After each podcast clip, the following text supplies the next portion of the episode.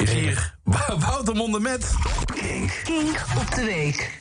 Het is hartverwarmend hoe Nederland zich eensgezind inzet voor vluchtelingen. Of in ieder geval witte vluchtelingen. Echt iedereen komt samen om te helpen. En toen de vluchtelingen uit Afghanistan en Syrië kwamen... kwam ook iedereen samen, maar dan op protestavonden tegen opvangplekken. En tot op de dag van vandaag vinden we het eigenlijk best handig... dat de Griekse kustwacht boten terug de zee opduwt. En van de week kwam er een oproep om een reisorganisatie te boycotten... omdat een van de aandeelhouders een rijke Rus is... Uh, dat is die uh, reisorganisatie waar je na elke reclame ofwel zin krijgt om boodschappen te doen, of om in Brabant het drugscircuit in te gaan. Hoe dan ook, ik vond die oproep ingewikkeld, want ik ga half april met die organisatie op reis. En daar kijk ik serieus al drie jaar naar uit. En ik wil met alle plezier iets boycotten, maar dan het liefst iets waar ik toch al geen zaken mee deed. Uh, Heineken bijvoorbeeld. Die blijven actief in Rusland. Kijk, zelfs advocaten en Shell doen geen zaken meer met Rusland.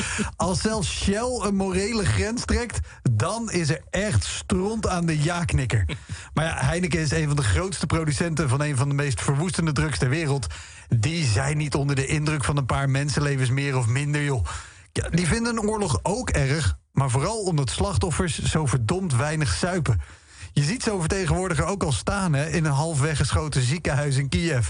Inkakken is bijkakken. Stelletje luie donders. Hé, hey, jij daar, met die krukken. Twee woorden, negen letters. Eh, Poetin lul? Nee, bier halen, gek. Maar misschien ben ik te cynisch. Want onze sancties werken verlammend. Maar bier werkt ook verlammend. dat maakt die Russen toch net iets minder scherp. Net iets makkelijk te verslaan. Misschien dat dat konvooi al een paar dagen stilstaat... omdat er gewoon de hele tijd iemand moet pissen. En de rest dat nog te vreten bij de benzinepomp. Maar toen ik de film, filmpjes zag van mannen die afscheid moesten nemen van hun familie, kreeg ik de rillingen.